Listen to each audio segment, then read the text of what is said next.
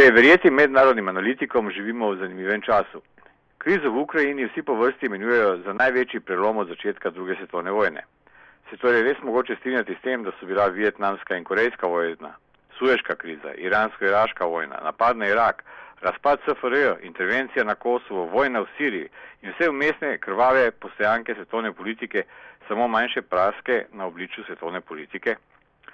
Ameriški analitik Farid Zakarja meni, da je temu res tako in težko se je ne strinjati s to trditvijo.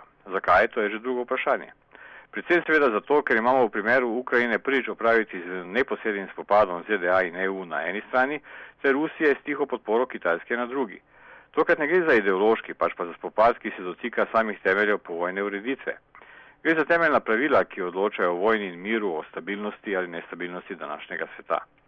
Zakaj pravzaprav gre, je v zadnjih letih pogosto opozarjal tudi Vladimir Putin, vendar so bila njegova pozorila vedno preslišana.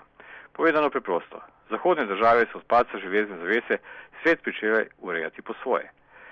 Pri tem uh, pa so spoštovali ena načela, včasih pa druga, kako jim je odgovarjalo.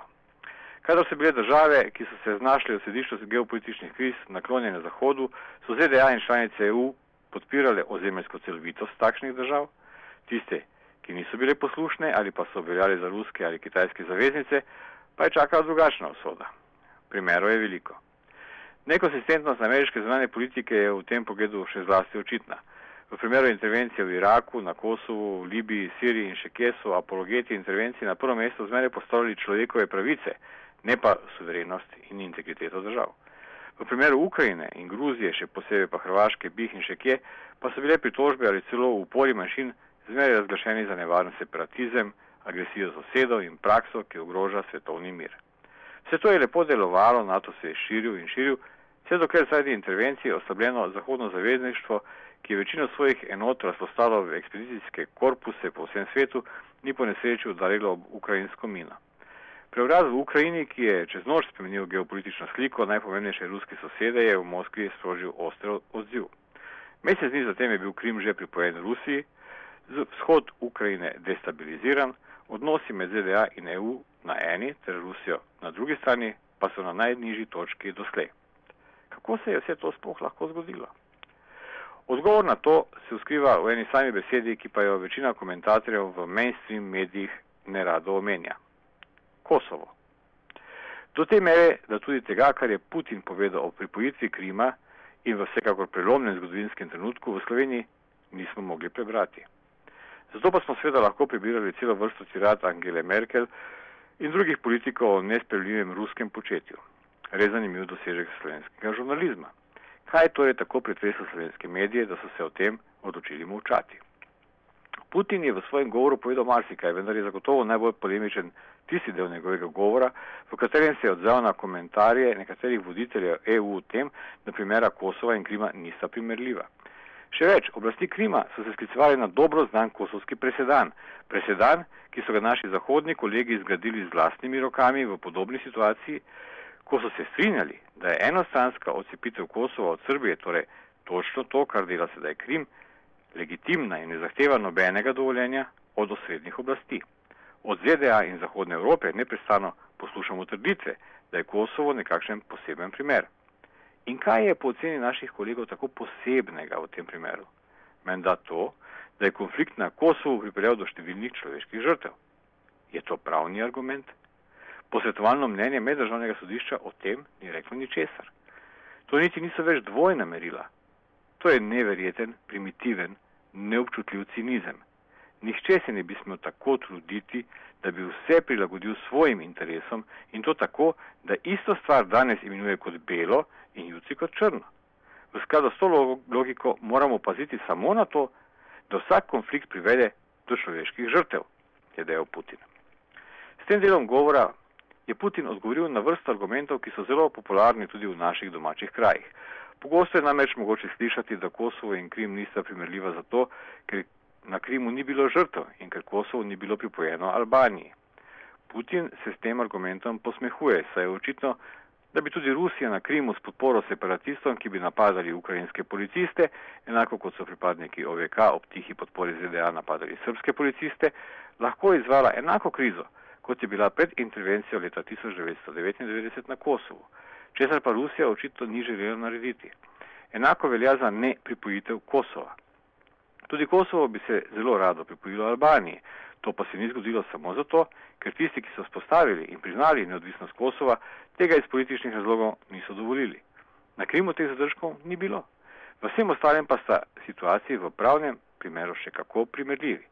V obeh primerih je kompaktno naseljena manjšina, ki že ima svojo nacionalno državo, odcepila del ozemlja.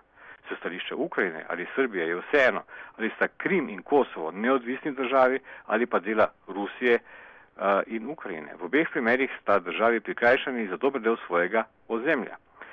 In v obeh primerih je bilo prekršeno temeljno pravilo, na katerem stoji povojni svet in še posebej povojna Evropa. Enostransko je bila spremenjena mednarodna meja in to ne zaradi uh, do, narodov brez držav, naprimer kurdov, pač pa v korist manjšine, ki že ima svojo nacionalno državo. In v obeh primerih so diplomati licemerno trdili, da se za te regije znotraj določenih držav nikakor ne da najti nobene druge rešitve, kot zgolj in samo rešitve na podlagi enostranske odcepitve ozemlja. Pri tem razglasitev neodvisnosti na Kosovo sama po sebi še ni bila kršitev prava, kar je potrdilo tudi meddržavno sodišče v Hagu. Toto na to je sledil drugi korak. Čeprav resolucija VS OZN 1940 jasno opredeljuje, da bo v prihodu mednarodno sil na Kosovo leta 1999 obvarovana ozemeljska celovitost Srbije, je po razglasitvi neodvisnosti Kosova več kot 100 držav sveta priznalo Kosovo kot državo, s tem pa tudi enostransko spremembo mednarodno priznane srpske meje spostavljene v času balkanskih vojn. S tem je bilo res prvič po drugi svetovni vojni poteptano načelo ozemeljske celovitosti. Tudi v Sloveniji smo čez noč pozabili na zaključni dokument Keusa, mnenje Bazincerjeve komisije, da naj se meje republik štejejo za državne meje, načela OZN, mednarodne konvencije in prakso držav, ki podobnega primera od leta 1945 pa do danes ne pozna. Kosovo smo preprosto umestili v scenosvet nekakšnega procesa razpada, in namerno pozabili, da razpadi držav in enostranske odcepitve niso eno in isto. Tudi vse to so seveda opazili v Rusiji, na Kitajskem in še marsikje druge. Krim, Kosovo, Abhazija Južna Osetija in ostale enostranske odcepitve bodo zato ostale mednarodno pravno sporne, kljub svoji efektivnosti. Razrešene bodo lahko le ob dogovoru z matičnimi državami, ali bodo obveljale za presedane in odstope od ustaljenih pravil, ali pa za nekakšno novo pravilo našega novega krasnega sveta, bomo videli že k malu. Nekateri teoretiki trdijo, da gre pri ravnanju Rusije za običajno obnašanje, ker države s pomočjo reciprocitete in s povračilnimi ukrepi povzročijo, da druge države, ki so prve kršile mednarodno pravo, znova pričnejo ravnati v skladu z veljavnimi pravili. Včasih so zato potrebna desetletja. Povedano preprosto. ZDA so ozemeljsko prikrajšali tradicionalnega ruskega zaveznika, Srbijo, Rusija pa Gruzijo in Ukrajino takoj zatem, ko sta leti simbolično pristopili v zahodni tabor. Tisti, ki so kršili ustaljena pravila delovanja današnjega sveta v primeru Kosova in so licemerno trdili, da gre samo za primer sui generis, pa so sedaj soočeni z posledicami svojih nespametnih ravnanj in s ponavljanjem vaje v veliko večjem primeru, primeru razdelitve Ukrajine sui generis. Težava je samo v tem, da bi se svet ob tako hitrem rušenju starih in ob pomankanju novih pravil lahko znašel pred novim požarom najrazličnejših vojn in spopadov.